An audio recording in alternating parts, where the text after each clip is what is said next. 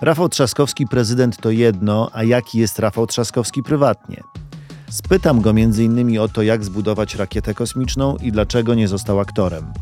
O kim Zbigniew Wodecki powiedział Quincy Jones lat 70. i 80. Namówię go, żeby oprowadził nas po swojej Warszawie, ale też opowiedział, czym kusi Warszawa, czy warto tu zamieszkać i czego nauczył się od warszawianek i warszawiaków. Zna pięć języków obcych. Przygotowałem więc dla niego także test językowy, ale taki nietypowy. To oczywiście nie wszystko. Ciekawi? Nazywam się Kamil Dąbrowa, a naszym gościem jest dziś Rafał Trzaskowski, prezydent Warszawy. Dzień dobry lub dobry wieczór. Witam w kolejnym podcaście e, Warszawa Mówi. E, dzisiaj gość szczególny, prezydent Warszawy Rafał Trzaskowski. Dzień dobry, witam serdecznie. Dzień dobry. O tej porze roku, e, kiedy się spotykamy, Warszawa ma taki szczególny urok. Rozkwita kwiatami, zielenią. Warszawska zieleń stała się znakiem firmowym e, naszego miasta, ale nie zawsze tak było. Chciałbym Cię zapytać o Warszawę lat 80. i 90., e, bo obaj bardzo dobrze ją pamiętamy. W latach 80. byliśmy małymi chłopakami, w 90. już licealistami i studentami dorastaliśmy. Ona chyba była trochę innym miastem niż dzisiaj. Czyli znowu wydało się, że jesteś młodszy ode mnie, bo ja licealistą byłem w latach 80. Ja też, ale tylko ale, o rok jestem młodszy. Ale pamiętam, pamiętam rzeczywiście te czasy całkiem dobrze. I no, Warszawa była zupełnie inna. Przede wszystkim była e, szara i to zarówno jeżeli chodzi o brak zieleni, o kolory budynków, jak i trochę twarze mieszkańców, bo wszyscy byliśmy wtedy zafrasowani, smutni. Ludzie się do siebie raczej nie uśmiechali. E, w tych czasach komunistycznych e, Warszawa po prostu wyglądała zupełnie inaczej. Mówisz Warszawa i co dzisiaj e, widzisz na to hasło? Przede wszystkim sporo czasu pomiędzy tymi latami 80. i 90. upłynęło. Była też faza takiej krzykliwej szyldozy. Niestety część tej szyldozy do dzisiaj widzimy, ale mam nadzieję, że wreszcie zostanie przyjęte nasz plan likwidacji tego krzyku kolorów, więc Warszawa jest dużo bardziej zielona, dużo bardziej uporządkowana, dużo bardziej wygodna, no a poza tym wreszcie ludzie się do siebie od czasu do czasu uśmiechają. Mhm. E, mnie Warszawa wciąż zaskakuje zielenią. 15% e, naszego miasta pokrytych jest lasami, ale niesamowite jest to i na to zwracają uwagę turyści, ci, którzy przyjeżdżają do Warszawy, mówią mi o tym, e, że jest niesamowicie zielonym miastem. Jak to się dzieje? No właśnie, ja wczoraj rozmawiałem z licealistami amerykańskimi, którzy przyjechali do Polski uczyć się naszego języka e, i zapytałem ich, co im się najbardziej podoba w e, Warszawie. Nie będę ci robił quizu, mhm. ale co ciekawe, numer jeden i cała piątka powiedziała to samo, to komunikacja miejska, że w mhm. Stanach oni są zależni od e, kogoś, kto ma samochód, a u nas poczuli wolność, dlatego że po prostu jest tak świetnie zorganizowane miasto i mogą się poruszać komunikacją miejską. A druga rzecz to właśnie zieleń. E, my bardzo poważnie e, traktujemy ten priorytet. W Warszawie posadziliśmy ponad pół miliona drzew, 600 tysięcy tak naprawdę. I realizujemy ten plan miliona drzew w Warszawie. Również powiększyliśmy tereny lasów miejskich, bo bardzo nam zależy na tym, żeby lasy miejskie się poszerzały. No i rzeczywiście jest tak, jak mówisz, że te tereny zielone w Warszawie obejmują 15%, a jeżeli dodamy do tego tereny parkowe, skwery, zieleńce, to dochodzimy do 40%. I to też jest nas, nasz cel. Rozbudowa parków, budujemy parki linearne, choćby koło mnie, tam gdzie mieszkam, czyli na Ursynowie. E, inwestujemy w zieleń, odbetonowujemy podwórka i to widać. I widać to również w takim aspekcie dbania o, o, o, wszystkie skwery, skrzyżowania ronda, gdzie ta zieleń się pojawia, gdzie sadzone są drzewa, ale gdzie również dbamy o to, żeby, żeby te miejsca po prostu odżywały. Mhm.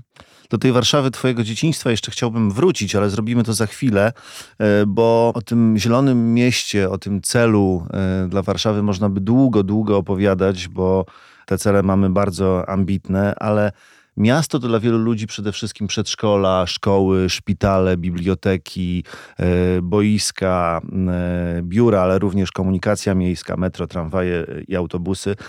Dla mnie jednak Warszawa to są ludzie, którzy je tworzą. E, jacy są e, według Ciebie dzisiaj e, warszawiacy i warszawianki? Czy wyróżniają się czymś na tle mieszkańców Polski? Czy są jakimiś innymi ludźmi? Jesteśmy zawsze w pędzie mhm. i to widać. Ja mam połowę swojej rodziny i brata w Krakowie. Mój ojciec był Krakusem, dziadek i pradziadek. Rodzina mamy to warszawiacy i zawsze te różnice było widać, ale dzisiaj ona jest wyjątkowa i wyjątkowo namacalna, że w wielu miastach w Polsce żyje się troszeczkę wolniej, człowiek jest bardziej zrelaksowany. U nas rzeczywiście wszyscy biegną tak, jakby tego czasu było zawsze za mało. Więc Warszawa jest dynamiczna, super szybko się rozwija, zaskakuje nas czasami swoim mhm. tempem, ale również e, i to potwierdzają wszystkie badania i również to, co mówią tutaj e, ludzie, którzy przyjeżdżają zakładać firmy, że w Warszawie dużo łatwiej jest przebić ten sufit szklany, czy to kobietom, czy to mhm. mniejszościom, mhm. e, dlatego że to nie jest taka struktura zastana, jak w niektórych miastach typu Wiedeń, e, typu Paryż, gdzie jeżeli się nie przynależy do miejscowej elity, nie skończyło się trzech e, elitarnych uniwersytetów, to trudno jest osiągnąć sukces. Albo nie jest się z palestry, prawda? Czy albo, nie jest się, albo nie jest się, mhm. tak, albo nie jest się z jakiejś dobrze ustosunkowanej rodziny. Warszawa rzeczywiście nie zna żadnych limitów, żadnych ograniczeń i no jest chyba jednym z najbardziej dynamicznych miast Europy. Miasta aktywne, mam wrażenie, że Warszawa jest takim miastem, to takie miasta, w których można wchodzić w interakcje e, społeczne. Czy ty jako i warszawiak, e, i prezydent nauczyłeś się czegoś od e, warszawianek i warszawiaków w ostatnich czterech latach? Bo przecież uczymy się przez całe życie. No na pewno, dlatego że zwłaszcza od młodych ludzi, y, dlatego że Warszawa się bardzo szybko zmienia. Y, no choćby tego, jak ważne dla nich jest wszystko, co związane z ochroną klimatu, y, że właściwie jest to absolutnie numer jeden w większości rozmów. Jak ważne jest zadbanie o wolność osobistą, jak ważna jest właśnie ochrona wszelkich mniejszości, które są w tej chwili atakowane, mniejszości seksualnych, ale nie tylko, mniejszości religijnych, mniejszości etnicznych. Warszawa ma w swoim DNA różnorodność, bo przecież przed II wojną światową była e, miastem bardzo różnorodnym. E, I dzisiaj młodzi warszawiacy to potwierdzają, że rzeczywiście takiego miasta oczekują, tolerancyjnego, otwartego, które przede wszystkim rzeczywiście nastawione jest na podejmowanie tych największych wyzwań, które stoją przed Europą czy światem. Mhm. I oczywiście dla mnie to zawsze była sprawa niesłychanie istotna, jeżeli chodzi o kwestię zazieleniania miasta, jeżeli chodzi o kwestię oszczędności energii, jeżeli chodzi właśnie o walkę z ociepleniem klimatycznym. Natomiast młodzi ludzie traktują to bardzo osobiście i co najważniejsze, nie traktują tego jako pewnego abstrakcyjnego zobowiązania polityków, którzy mają wypełniać jakieś cele, mhm. tylko zobowiązanie ich samych do tego, żeby właśnie oszczędzać wodę, oszczędzać energię i być może wprowadzać trochę inne, oczywiście w sposób całkowicie dobrowolny, inny sposób odżywiania się, bardziej zdrowy, i zaczynają od siebie właśnie. Bardziej korzystają z komunikacji miejskiej czy z rowerów. I to widać, że robią to również w trosce o swoją przyszłość. Mhm. A powiedz, y, co w ostatnich latach najbardziej zaskoczyło Cię jako prezydenta Warszawy? No, czy było coś takiego, co, czego się na przykład zupełnie nie spodziewałeś? No na pewno y, jestem y, zaskoczony y, tymi szybkimi zmianami, które się dokonują w, mentalności warszawiaków i przede wszystkim ich otwartością na zmianę. Mhm.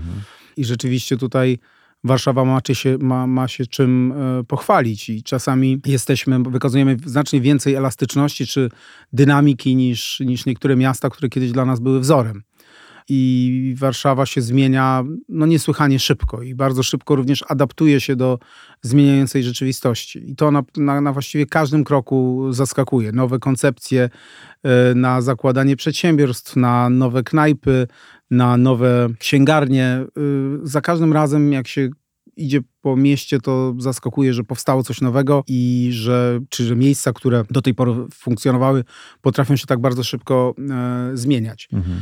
E, I to na pewno napawa optymizmem. No i tak jak powiedziałeś, na pewno młodzi ludzie zaskakują, bo oni są takim e, napędem dla tego miasta i pokazują, w jakim kierunku powinniśmy iść i w jakim kierunku powinniśmy się e, rozwijać. Niedawno powiedziałeś, że bycie prezydentem Warszawy to najlepsza robota, najlepsza polityczna robota.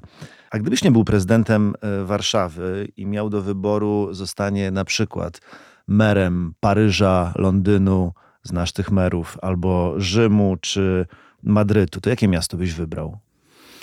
Trudno powiedzieć, może najpierw odniosę się Wiesz, do to tego... jest takie science fiction tak, oczywiście. No bo... Na razie się odniosę do tego, o czym mówiłeś, a mianowicie mhm. rzeczywiście jest tak, że ja w swoim życiu byłem i europosłem, i, i ministrem. Głównie zajmowałem się sprawami integracji europejskiej. Natomiast bycie prezydentem miasta jest najbardziej satysfakcjonujące, dlatego że po pierwsze, codziennie robi się zupełnie coś innego. Nawet powiedziałbym, że co godzinę robi się coś zupełnie innego. Po drugie, i to najważniejsze, efekt pracy od razu widać. Ma się naprawdę wpływ na rzeczywistość. Po trzecie, ma się takie dojmujące wrażenie, że rzeczywiście komuś się służy. Jakkolwiek mhm. to górnolotnie brzmi, to, to, to naprawdę wielokrotnie ma się taką satysfakcję z tego, że komuś można było pomóc, że coś można było zmienić a w końcu no, po to powinno się być politykiem. Natomiast jeżeli pytasz o, o miasto, to trudne pytanie, dlatego że zupełnie czym innym jest bycie turystą, mhm. czym innym jest y, miłość do jakiegoś mhm. miasta, bo ja na przykład no, mhm. no, uwielbiam Rzym mhm. i gdybyś mi powiedział, w którym mieście bym chciał spędzić pół roku, to najchętniej w Rzymie. Mhm. Natomiast zarządzanie Rzymem, i dobrze wiem o czym mówię, bo znam e, Roberto Gualtieriego, to mój przyjaciel z, jeszcze z czasów Parlamentu Europejskiego, który jest merem mhm. Rzymu, no to super ciężkie zadanie. W związku też trochę z włoskim charakterem, mhm. włoską biurokracją, niemożnością załatwiania spraw. Więc, więc, więc to trudne pytanie. Natomiast na pewno no, bycie merem każdego z tych miast byłoby olbrzymim wyzwaniem. Zresztą każde z tych miast lubię i każde z mhm. nich ma zupełnie inny charakter. Paryż, Madryt? E, oba miasta znowu bliskie mojemu sercu. Tak się składa, że też mówię w tych wszystkich językach, w związku z tym też łatwiej się po mhm. tych miastach e, poruszać. E, no, Paryż ma swoje cudowne strony. E, Madryt zupełnie inne, w związku z tym bardzo trudno wybierać. Ale znowu, gdybyś mnie zapytał, gdzie chciałbym mhm. spędzić rok, to chyba bardziej w Madrycie niż w Paryżu. Mhm. A Londyn? Londyn i te wszystkie wyzwania, z którymi boryka się e, na co dzień Sadik Khan, również e, wydaje mi się, że, związany z Wydaje mi się, że Londyn to rzeczywiście mhm. inna liga, dlatego że Londyn to miasto światowe. I o, o ile można powiedzieć, że właściwie no, skala wyzwań, z którą mierzy się również prezydent Warszawy, to skala wyzwań małego kraju. Tak. O tyle Londyn, no to naprawdę jest y, osobny kraj, w którym mieszka to jest sto kilkadziesiąt tak. y, przeróżnych nacji, mhm. y, gdzie rzeczywiście różnorodność jest absolutnie niebywała, gdzie tempo życia jest nieprawdopodobne, gdzie zaawansowanie technologiczne przechodzi wszystkie nasze marzenia. No ale z drugiej strony też miasto, które, które no, ma mnóstwo problemów i zarządzanie nim naprawdę nie jest łatwe. Mhm. W związku z tym to rzeczywiście no, no, trzeba, trzeba powiedzieć, że takich miast światowych, miast państw y, nie ma aż tak wiele, więc to jest rzeczywiście zupełnie inna liga, zupełnie inny rodzaj wyzwań. Chociaż jak rozmawiam z Sadikiem Kanem, to na końcu rozmawiamy o bardzo podobnych problemach, y, takich jak choćby na właśnie w, wprowadzanie strefy czystego powietrza, czy wymiana taboru autobusowego na zeroemisyjny czy kwestie niemarnowania żywności, czy kwestie bezpieczeństwa, więc na końcu tematy są podobne, no ale oczywiście skala jest inna. Czy Warszawa będzie wkrótce miastem zeroemisyjnym? Podjęliśmy takie zobowiązanie do 2050 roku mhm. i robimy wszystko, żeby tak się stało, dlatego że no nie wyobrażam sobie, żeby miało być inaczej. Oczywiście to nie jest łatwe, dlatego że jesteśmy zależni od miksu energetycznego, który jest w Polsce. Ten miks się zmienia. E, jeszcze nie tak dawno w 90% byliśmy zależni od węgla, w tej chwili już tylko w 70%. Tylko jasz, bo to mhm. najwyższy odsetek e, w końcu w e, Europie, ale powoli, powoli coraz więcej odnawialnych źródeł energii. My to robimy sami w Warszawie, bo na przykład ja wydałem tego typu polecenie, żeby wszystkie budynki użyteczności publicznej już miały fotowoltaikę i prawie 200 budynków tę fotowoltaikę będzie miało lada dzień, bo 45 już ma e, w innych budynkach tę fotowoltaikę montujemy. Pompy ciepła, uniezależniamy się trochę od tego miksu energetycznego, no ale nigdy nie będzie tak, że Warszawa będzie całkowicie niezależna od mhm. tego, jak energię produkuje cały kraj. No nie jesteśmy tak małym miastem, które może się całkowicie uniezależnić. Ale rzeczywiście robimy wszystko, żeby tych emisji spalin było coraz mniej, żeby powietrze było jak najczystsze, żeby oszczędzać energię, żeby było coraz więcej zieleni, żeby likwidować kopciuchy. No, mało kto o tym wie, ale tych kopciuchów zlikwidowaliśmy e, prawie 70%. I w zasobie miejskim, czyli to, za co naprawdę odpowiadamy, to prawie w 100%. W związku z tym ta zmiana y, w, przez te ostatnie 4 lata prowadzona, jeżeli chodzi właśnie o oszczędność energii czy o czystsze powietrze, jest bardzo znacząca. Ja miałem wrażenie, że odczuliśmy to już tej zimy, że faktycznie tych problemów z zanieczyszczonym powietrzem było znacznie mniej. Ale to moje pytanie o cztery miasta, które mógłbyś wybrać, albo gdybyś mógł wybrać do zarządzania, e, było nie bez powodu, bo według jednego z angielskich portali Warszawa jest idealnym miastem na, na city break. E, ze względu na ceny, ofertę kulturalną, ale też ofertę hotelową. Sto kilkadziesiąt hosteli e, do wyboru w naszym mieście. A jakie miasto w Europie ty wybrałbyś na długi weekend? Może nie na pół roku czy na rok mieszkania, tak jak Rzym, żeby się zrelaksować i E, odpocząć.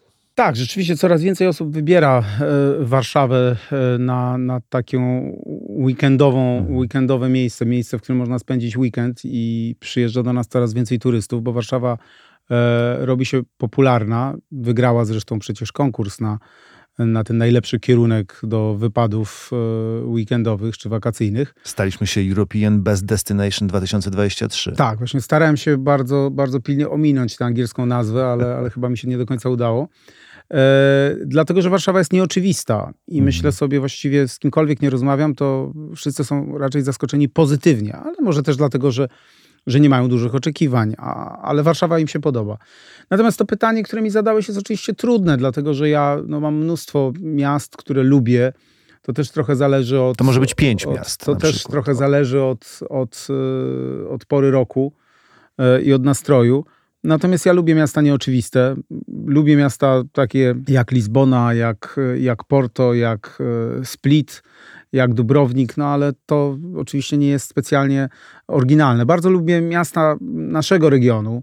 Świetnie się czuję zarówno w Pradze, jak i w Budapeszcie, ale również podobają mi się miasta tego typu jak, jak Bratysława, a, ale również miasta mniejsze w naszym regionie, jak Sibiu, e, do którego mam nadzieję się wybrać już niedługo w Rumunii, stolicę Transylwanii. W związku z tym tych miast jest naprawdę sporo i E, dzięki też pieniądzom z Unii Europejskiej większość z nich e, zmienia się absolutnie nie do poznania. W związku z tym naprawdę, naprawdę jest z czego wybierać i trudno mi sobie, właściwie trudno mi wymienić takie miasta, których, których naprawdę nie lubię. Mhm. E, bo większość miast ma coś fajnego do zaoferowania. Na przykład Bukareszt, który jest po prostu absolutnie rewelacyjnym miastem.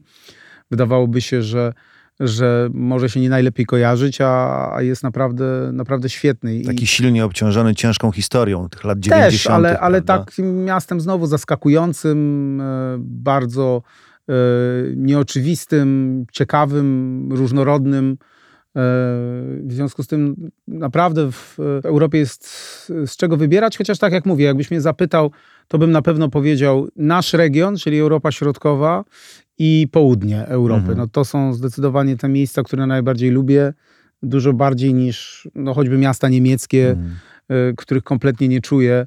W związku z powyższym no na pewno ten kierunek. Chociaż na przykład miasta holenderskie uwielbiam. A ja polecam Ci Hamburg. Odkryłem Hamburg niedawno i to naprawdę fajne, bardzo ciekawe, położone miasto i takie rozległe i bardzo właśnie nieoczywiste. No to ciekawe, bo właśnie w Hamburgu, Hamburg jest jednym z niewielu miast niemieckich, w których nigdy nie byłem, mm. mimo że mój ojciec tam mm, jeździł wielokrotnie, ponieważ prowadził y, orkiestrę Norddeutsche Rundfunk i tam miał mnóstwo przyjaciół, więc przyjaciół rodzinnych mam mnóstwo w Hamburgu, nigdy tam nie byłem. Rzeczywiście to miasto wszyscy mówią, że, że ma zupełnie inny charakter. Piękna architektura, sporo tak. zieleni. Ostatnio mnie zaskoczył mer y, Hamburga, bo Okazuje się, że Hamburg jest największym miastem w Europie, które nie jest stolicą. Tak. Czego nie wiedziałem. Przyznaję, byłem przekonany, że Monachium jest większe, a Hamburg jest większy od Monachium. To jest drugie miasto w Niemczech.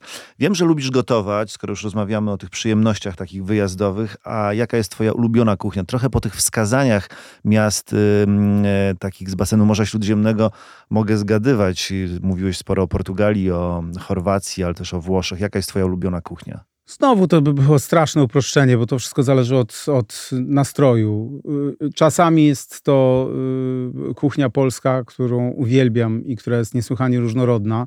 A co w tej y, kuchni polskiej? Uwielbiam zrazy, ale również ruskie pierogi, których nie powinienem jeść, ale, ale, ale mam do nich absolutną słabość. Bardzo lubię śląską roladę, bardzo lubię gołąbki, ale w polskiej kuchni tak naprawdę najbardziej uwielbiam zupy. Mhm. E, zwłaszcza, że dzisiaj można robić zupy bez mięsa, więc trochę lżejsze e, i naprawdę tych zup... Takie na gwoździu, jestem... jak mówiła moja mama. No tak, mhm. znaczy ja sam tych zup jestem w stanie zrobić ze 30 i właściwie wszystkie uwielbiam. Natomiast to zależy od nastroju. No, czasami może to być kuchnia tajska, czasami dobra ryba z Chorwacji, czasami rzeczywiście kuchnia śródziemnomorska, która jest na pewno zdrowsza i dużo lżejsza. Także to wszystko zależy i w Europie tych tradycji jest tak mnóstwo, że, że jest z czego korzystać. Natomiast jeżeli mówisz o takim mieście, w którym zawsze jest dobre jedzenie, to to jest zdecydowanie Budapeszt. Tam, mhm. Mianowicie tam najprostsze jedzenie na, na dworcu i jedzenie w bardzo drogiej knajpie zawsze będzie genialnej jakości. Mhm. Znaczy nie zdarzyło mi się w Budapeszcie zjeść czegoś niedobrego i właśnie to jest rewelacyjne, że tam zwykła knajpa za rogiem, bardzo tania, potrafi być absolutnie rewelacyjna. Zwykła knajpa rybna gdzieś na prowincji Y, przy rzeczce podaje ryby i zupę rybną, jakie się nikomu nie śniło. Także rewelacja, bo na przykład w Pradze jest mnóstwo genialnych restauracji. Dawno nie widziałem tylu świetnych restauracji, też o, często o przystępnych cenach. Natomiast y, no, z reguły są to restauracje z trochę wyższej półki. No chyba, tak. że ktoś oczywiście lubi smażony syr. Wszyscy, którzy jeździli na narty do, na Słowację czy do Czech, mają pewnie do tego sentyment. E, wracając jeszcze na chwilę, bo zatrzymując się przy Budapeszcie, brytyjski portal poleca nasze miasto tuż za Budapesztem jako najlepszą destynację dla backpackerów z kolei. Mhm.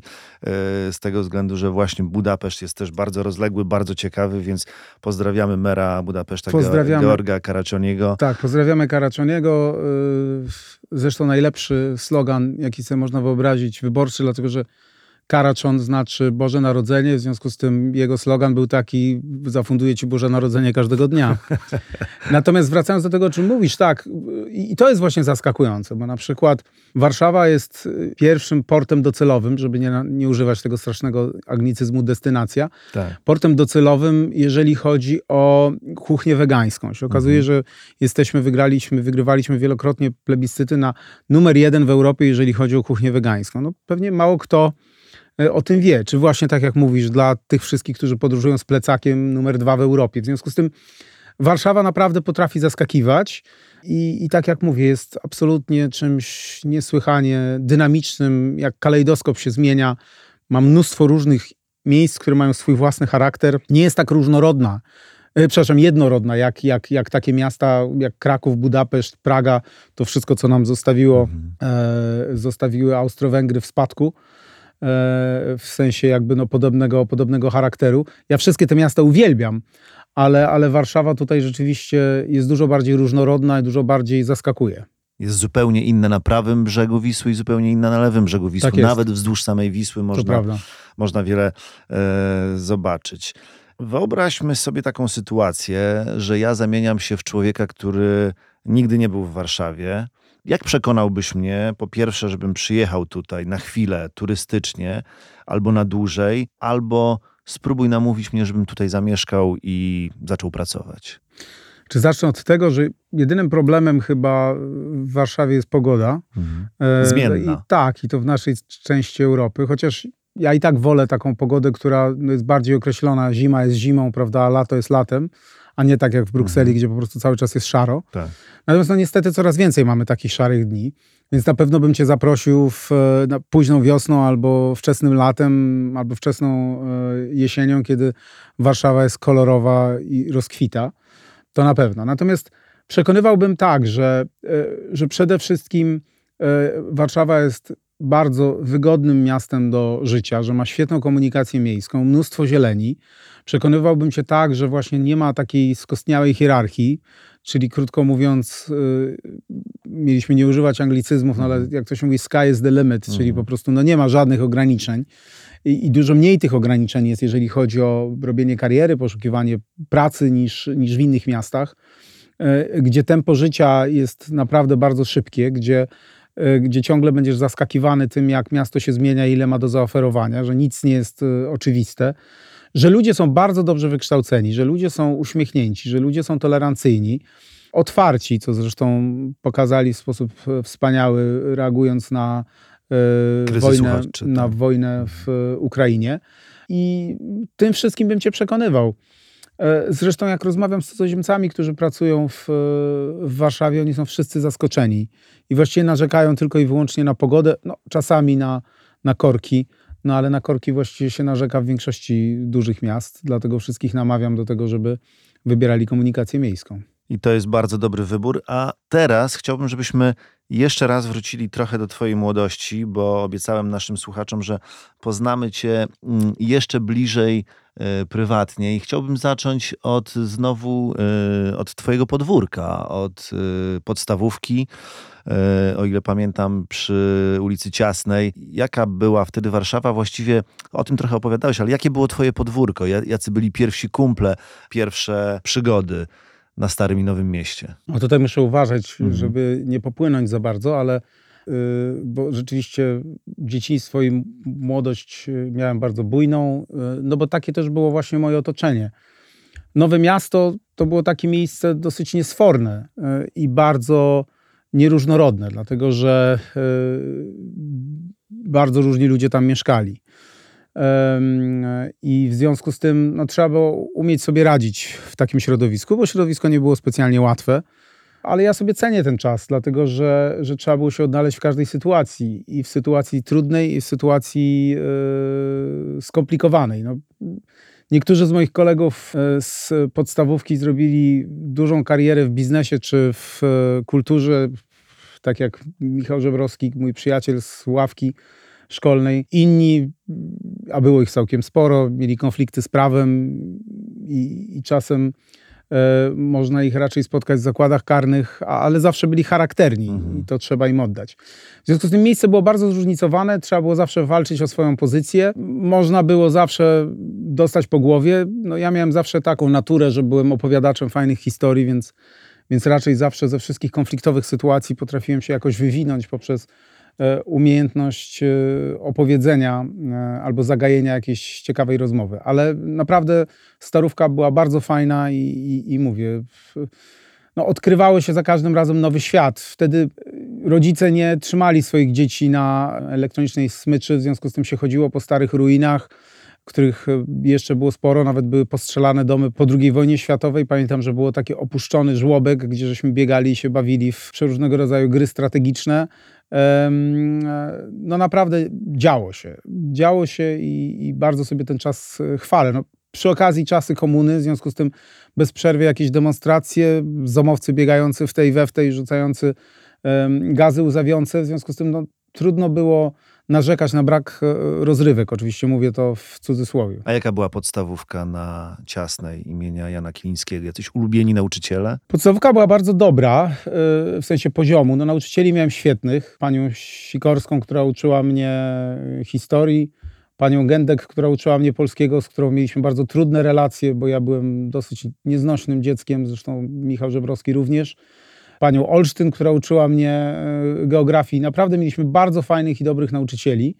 Natomiast szkoła też no, była bardzo wymieszana. Znaczy, były dzieci z rodzin inteligenckich, były dzieci y, z tak zwanych trudnych rodzin, y, były dzieciaki z takiego specjalnego ośrodka dla, dla dzieci, które miały bardzo trudną sytuację rodzinną. W związku z tym naprawdę to nie była taka szkoła, jaką dzisiaj się czasami widzi, do której rodzice, rodzice samochodami, samochodami dzieci, dzieci. Mhm. Tylko bardzo wymieszana i, szkoła, która uczyła życia, ale również miała bardzo dobry poziom, e, dzięki czemu no, dostałem się do dobrego, do dobrego liceum później. Twoje ulubione przedmioty? Historia, polski? Historia, tak. Ja jestem urodzonym humanistą. Zawsze się śmieję, że pewnie gdybym był dobry z matematyki, to nie zostałbym politykiem.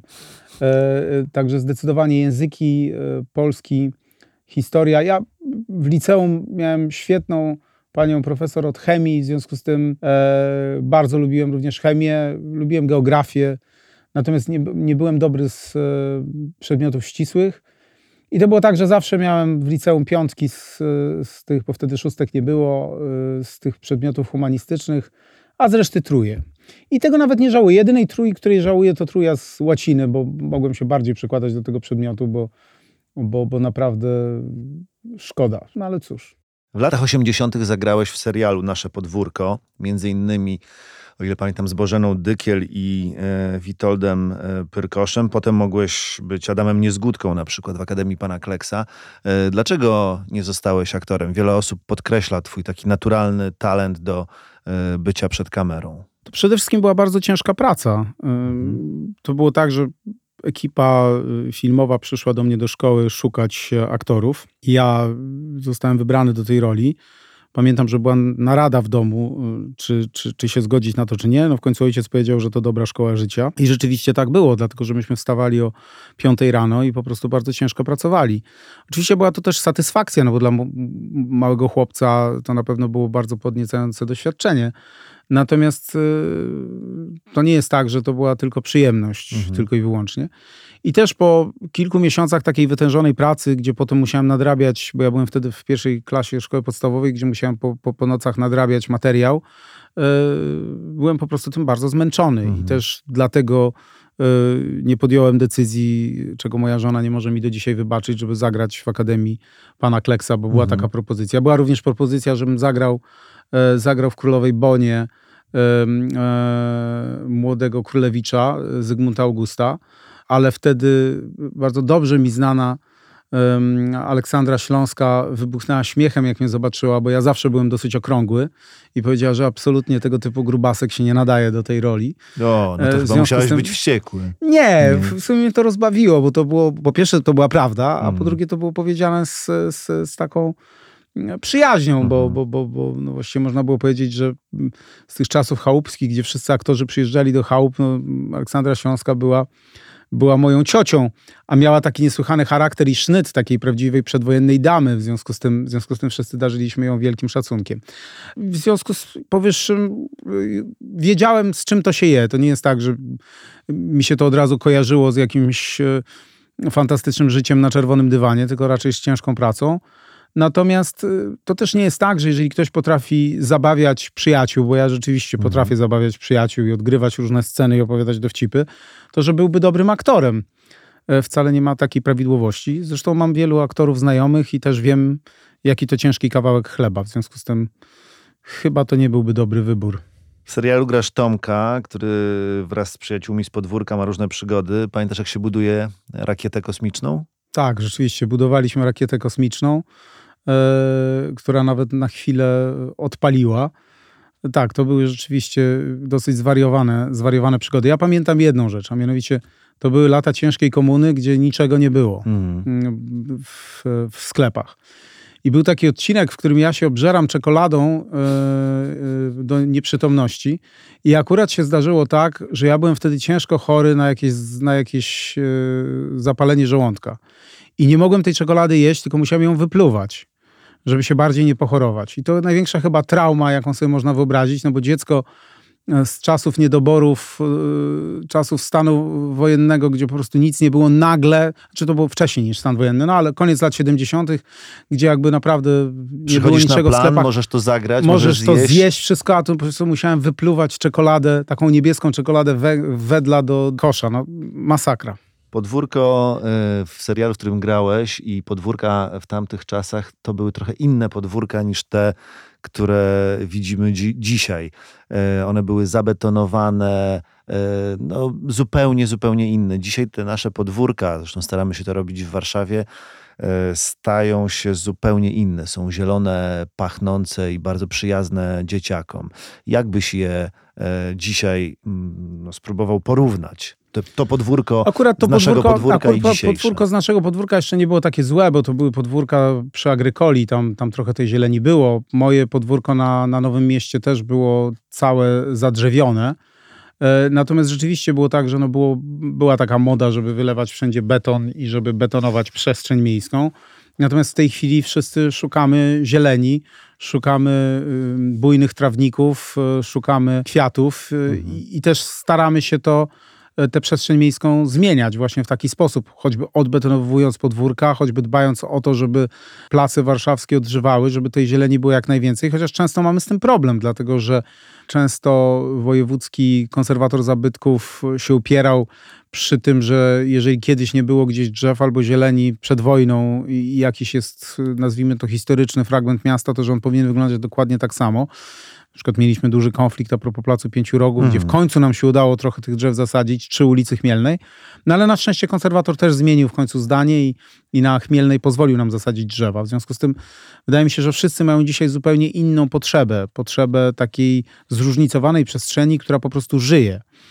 I też Warszawa ja o tym bardzo często mówię. są wonerfy, przepraszam, że ci wchodzę w słowo, bo tak. takie miejsca, w którym faktycznie istnieją i ludzie i jest e, ruch kołowy, tak można powiedzieć, i one są tak, łączenie, takim łączenie, rozwiązaniem. spowolnienie ruchu w takich miejscach, prawda, gdzie mogą po prostu chodzić również e, E, ludzie pieszo, czy jeździć rowerowo, a gdzie może przejechać również autobus czy, czy, czy samochód. Tak się dzieje właściwie w całej Europie, dlatego że w ten sposób oddaje się przestrzeń miejską e, mieszkańcom. Ja o tym często mówię, że w Warszawie są takie wyspy aktywności, gdzie, gdzie po prostu są super knajpy, ludzie siedzą, mhm. bawią się, chodzą, prawda, y, są w sklepach, czy w klubach, czy w księgarniach, gdzie się pojawiają rowery. E, a potem mamy nagle ulicę, która wygląda trochę jak pustynia, gdzie widać, że samochody jeżdżą szybciej i szybciej niż powinny i nie ma tam tych knajp, nie ma tam tej przestrzeni miejskiej, tylko są jakieś sieciówki, jakieś banki. Nie, żebym ja miał coś przeciwko sieciówkom i bankom, ale, ale wolałbym, żeby ta przestrzeń była bardziej zróżnicowana. Na przykład zobaczmy sobie na przedwojenne zdjęcia ulicy Marszałkowskiej, która po prostu żyła. To było no, no, tygiel, mhm. y, y, jak w ulu, prawda? Mhm. A dzisiaj to jest ulica raczej, raczej wymarła i dlatego chcielibyśmy to wszystko zmienić. Żeby, taka przejazdowa, prawda? Taka przejazdowa, żeby właśnie ta Poznańska, czy ten plac Zbawiciela, e, żeby tak wyglądała większość e, e, ulic miasta w ścisłym centrum. Mhm. No bo przecież od lat się borykamy z tym otoczeniem Pałacu Kultury i Nauki, głównie przez to, że nieuregulowana była tam własność i, i trudno było cokolwiek budować. W tej chwili ta przestrzeń się zmienia, powstaje Muzeum Sztuki Nowoczesnej, plac centralny i mam nadzieję, że że to miejsce będzie wyglądało za rok, za półtora zupełnie, zupełnie inaczej i że właśnie ta przestrzeń zostanie oddana e, warszawiankom i e, warszawiakom. Tak, żeby przyjemnie było, można było ją ogarnąć i po niej spacerować, e, gdzieś na chwilę przysiąść z książką, czy z gazetą, czy z laptopem i się zrelaksować. Zresztą to oczywiście dla niektórych jest kontrowersyjne, bo niektórzy się przyzwyczaili do tego, że przez centrum miasta można szybko przejechać e, samochodem, no ale od tego są e, obwodnice mhm. i centrum miasta powinno być dla tych, którzy jeżeli już muszą, no to niech wjadą samochodem. Czasami trzeba po prostu wjechać samochodem do centrum miasta, ale żeby raczej korzystać z komunikacji miejskiej, czy właśnie móc również poruszać się pieszo. I co ciekawe, jak rozmawiam z tymi, którzy dalej chcieliby, żeby Marszałkowska się nie zmieniła, a najchętniej by jeszcze dołożyli dwa pasy ruchu, mhm. to jak się ich pytam, jakie miasta najbardziej lubią, no to odpowiadają właśnie Barcelona, Paryż, czy nawet Nowy Jork, które się w mhm. tych ostatnich latach zmieniły absolutnie nie do poznania, gdzie właśnie miasto oddaje się w ręce mieszkańców e, właśnie po to, żeby żeby można było z niego korzystać. A na końcu to są racjonalne zmiany, mhm. dlatego że dużo się mówi, prawda, o, tak zwanym zwężaniu ulic. Tak. A tu chodzi po prostu o racjonalne decyzje. Najzwyczajniej w świecie samochód może przewieźć no, najwięcej 4 czy 5 osób, a autobus może tych osób przewieźć 100, a, a tramwaj 200, a metro 1000. No więc, mhm. więc dlatego uprzywilejujemy komunikację miejską, bo po prostu chcemy, żeby z tych ulic korzystać w sposób jak najbardziej racjonalny, no i oczywiście walczyć o czyste powietrze.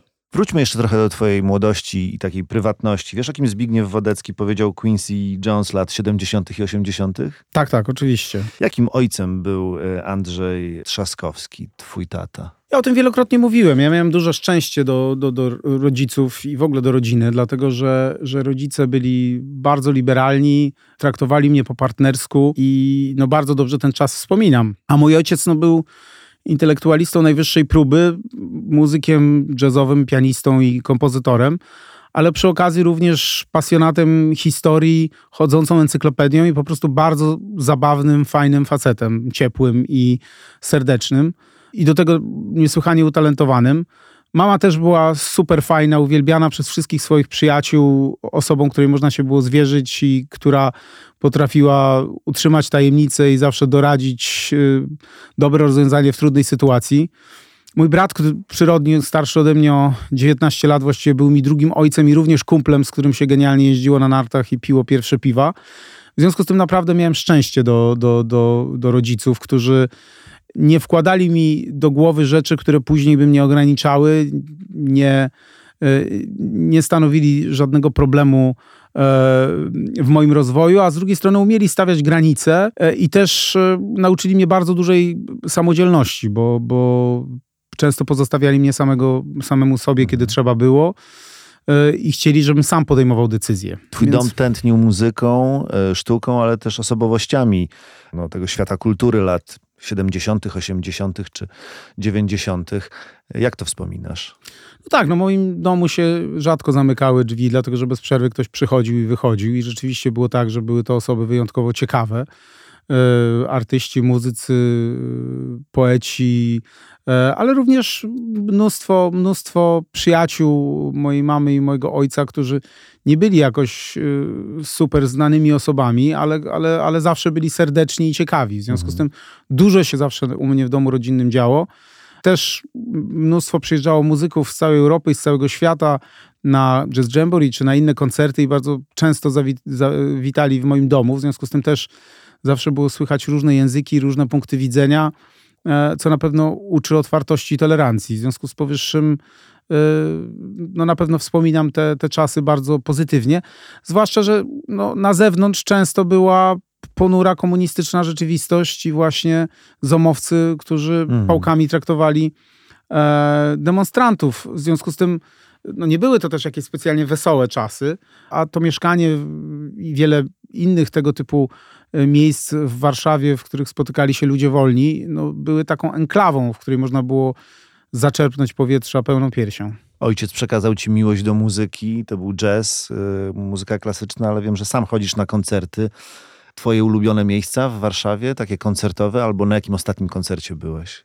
Tak, zdecydowanie. No, ojciec przekazał mi miłość do muzyki, mimo że nie gram na żadnym instrumencie, ale bez muzyki nie jestem w stanie się obejść. Mam bardzo eklektyczny gust i rzeczywiście, rzeczywiście chadzam na koncerty. Ostatnio chyba jeden z najlepszych koncertów, jaki, na jakich byłem, to Jacob Collier, który jest absolutnym e, geniuszem i niebywałym talentem trudno określić, bo to jest i muzyk jazzowy z bardzo dobrym wykształceniem klasycznym, ale również sporo tam popu, rhythm and bluesa, w związku z tym no, wszystkie gatunki łączy w sobie i umie nieprawdopodobnie też bawić się z publicznością, ją zaangażować w, we wspólne odczuwanie muzyki. Także rzeczywiście, tak, ojciec mi przekazał miłość do muzyki, miłość do książek. Tutaj jestem absolutnym nałogowcem, tak jak i on, i mhm. kupuję książki jak, jak wariat. Mm, no i na pewno również do, do historii, bo mój ojciec był chodzącą encyklopedią, jeżeli chodzi o, o historię Polski, ale nie tylko, Europy również. W związku z tym sporo tych zainteresowań. E, mój ojciec też był, kiedyś marzył o tym, żeby iść na polinistykę, w związku z tym był purystą językowym i mnie męczył w sposób niebywały, jeżeli chodzi o, o polszczyznę. Część z tego udało mu się we mnie zaszczepić, chociaż e, na pewno nie mówię tak czystą polszczyzną jak on. Kiedyś mówiłeś, że czytasz e, dwie godziny dziennie o tej miłości do książek. E, wspomniałeś. A jak jest e, dzisiaj? Pracujesz właściwie, no można powiedzieć, 24 godziny na dobę. No, tylko wtedy, gdy śpisz, nie pracujesz, więc to znalezienie tych dwóch godzin na czytanie jest dosyć trudne. Udaje ci się to? Nie jest łatwe, natomiast, natomiast no, staram się znajdować czas, żeby czytać, bo bez tego po prostu no, czuję się upośledzony. Korzystasz z szczytników? Nie, nie jestem w stanie mm. czytać szczytników. Ja jestem nałogowcem, jeżeli chodzi o, o książki o papier. E, prawdziwe i mm. o papier. Przerzuciłem się na muzykę streamingową, chociaż mhm. lubię bardzo oczywiście y, i to jest zupełnie inna przyjemność posłuchać płyty winylowej. E, natomiast 95% czasu to muzyka, którą po prostu mam w telefonie i streaminguję, natomiast nie jestem w stanie się przekonać do czytników, bo dla mnie to jest pozbawione jakiejkolwiek duszy. Książka musi być książką, którą można, w której można przewracać strony i, i poczuć jej zapach. I tak, i rzeczywiście znowu też eklektyczny gust, bo ja czytam wszystko od, od komiksów e, po filozofię i też czytam kilkanaście książek naraz, no bo czasem mam ochotę na coś lżejszego i na przeczytanie dobrego, dobrej książki sensacyjnej, a czasami mam ochotę na biografię albo, albo poważną książkę o, o wyzwaniach technologicznych przyszłości. A ulubiona książka? Taka, może nie jedna, bo pewnie masz ich mnóstwo, ale taka ulubiona, którą ostatnio przeczytałeś, którą mógłbyś polecić naszym słuchaczom? To jest piekielnie trudne, mhm. dlatego że ja mam takie momenty, w których e, wpadam w jakąś studnię literacką albo, albo kulturalną i na przykład e, znowu, nie wiem, odnajduję w sobie miłość do literatury czeskiej, przeczytam 20 książek, prawda, i potem, i potem wychodzę z tej niszy i wpadam, tak jak na przykład teraz po fenomenalnej wystawie e, Vermeera w, w Amsterdamie, w, w fascynację sztuką holenderską, którą mój ojciec mi zaszczepił od naj, najmłodszych lat i, i czytam na potęgę właśnie biografii Rembrandta, czy opowieści o starej sztuce holenderskiej. Więc to zależy. Natomiast oczywiście no, ja mhm. uwielbiam literaturę rosyjską, czeską, amerykańską. Wszędzie mam swoich faworytów. Śmieję się, że gdybym miał wymienić jedną książkę, to jak większość Polaków była, byłby to Mistrz i Małgorzata, więc tutaj jestem mało e, oryginalny. Ale ona jest świetna, można do niej wracać Można do niej zawsze. wracać, to mhm. prawda, w każdej chwili. Natomiast Natomiast y, lubię bardzo literaturę czeską. E, polecam choćby Czapka, bo każdy pewnie czytał i kocha Hrabala mhm. i Kunderę, ale Czapek jest absolutnie fenomenalny. Zresztą facet z tak nieprawdopodobną wyobraźnią, że wszystkich zachęcam. Ja sobie nie jestem w stanie wyobrazić, wyobrazić i przez cały czas rozmawiam z, o tym ze swoimi dziećmi, jak można nie czytać książek, bo wtedy człowiek po prostu sam skazuje się na to, że jego życie jest dużo, dużo bardziej ubogie. To zmieńmy trochę teraz y, temat i klimat naszej rozmowy. Znasz pięć języków obcych: angielski, francuski, hiszpański, włoski y, i rosyjski, oczywiście, którego przecież uczyliśmy się w szkołach y, jeszcze w latach 80. i 90. O ile pamiętam, to włoskiego uczyłeś się jako ostatniego języka, i to był język, którego uczyłeś się już będąc w parlamencie E, europejskim. Mam dla ciebie taki mały test y, i to on będzie, będzie nieco nietypowy, bo nie będzie to test z żadnego z tych języków, które e, znasz, ale który może być y, dla ciebie trudny, no ale zobaczymy. Takie słowa. Hachar, haja, kryklać. Mówią ci coś? Haja? Tak. No to tak. awantura po, po, po śląsku, oczywiście. No moja żona jest Styknie? Śląska. Moja, wystarczy. to ja mówię, tak. Wystarczy. No to są Styknie. warszawskie, mhm. warszawskie. Mhm. Często niektóre z tych słów warszawskiego slangu pochodzą Sznupać? z jidysz. Sznupać to jest szukać po, tak. po śląsku. Szukać tak, kogoś. akurat, akurat... Hachar. No hachar to tak, to, to też, też w Warszawie się mówiło hachar, tak. to jest taki pe, pe, pewniaczek, prawda? Taki łobuz Łobuz, trochę. tak, łobuz pewniaczek. Tak. Mhm. No właśnie, y, jest jeszcze przać, kochać. Umiesz powiedzieć po śląsku, y, albo czy potrafiłeś powiedzieć do żony po śląsku y, kocham cię? E, obiecałem sobie, że nigdy nie będę naśladował śląskiego, mimo że znam mnóstwo słów śląskich i też bardzo szanuję tę odrębność. Natomiast jak Gorol zaczyna mówić po śląsku albo, e, albo e, zaczyna udawać, że mówi po góralsku, no to naprawdę słabe. Więc, więc jakby nie będę udawał. Tak samo jak kiedyś reklamowałem swoją ulubioną imprezę w na Półwyspie Helskim, czyli Keszub czy BTP Czeglemy i też y, później Kaszubi mieli pretensje, tak, mm. mieli pretensje, że, że kaleczę ich język, w związku z tym nie będę, nie będę tutaj No ale y, czasami mówisz, udawał. czasami mówisz po śląsku, ja sam to słyszałem.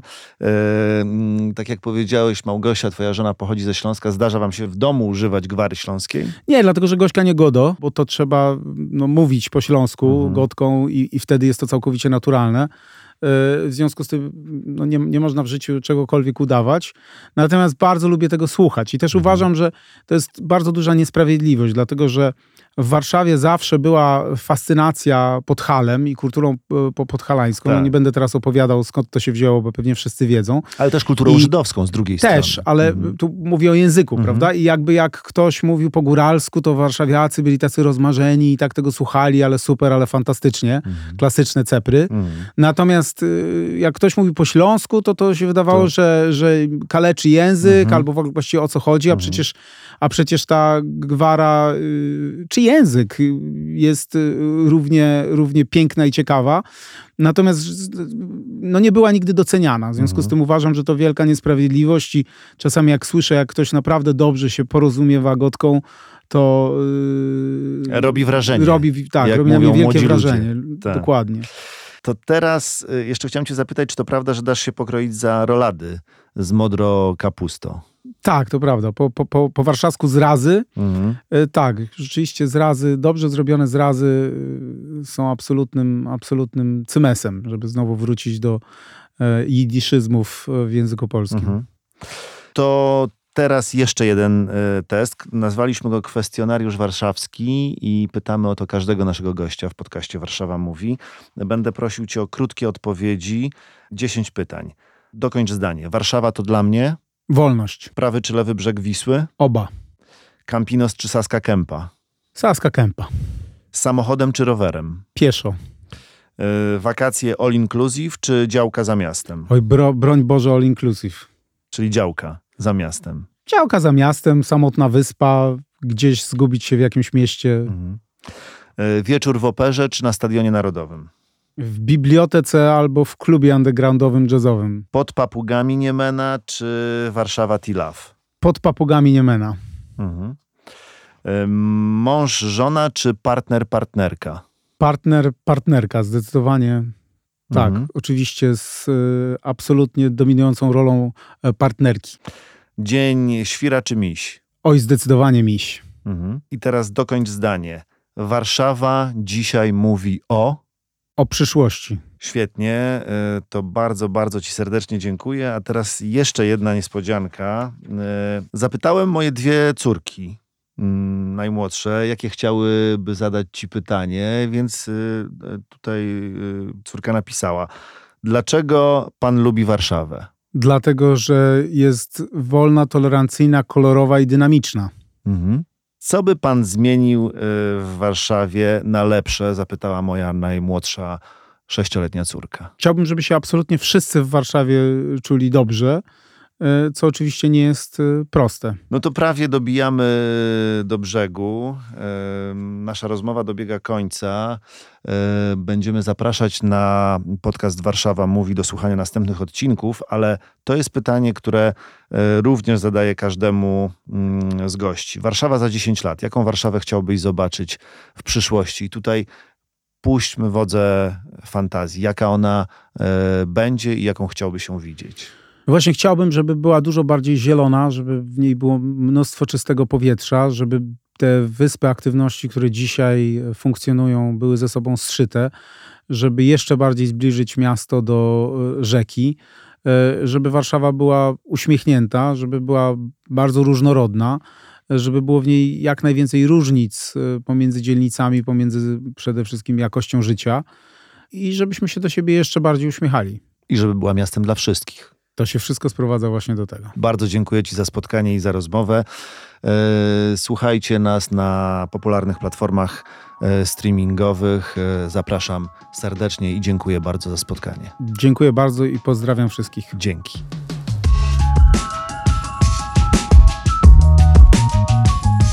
To był ostatni odcinek pierwszego sezonu podcastu Warszawa Mówi. Dziękuję, że byliście z nami.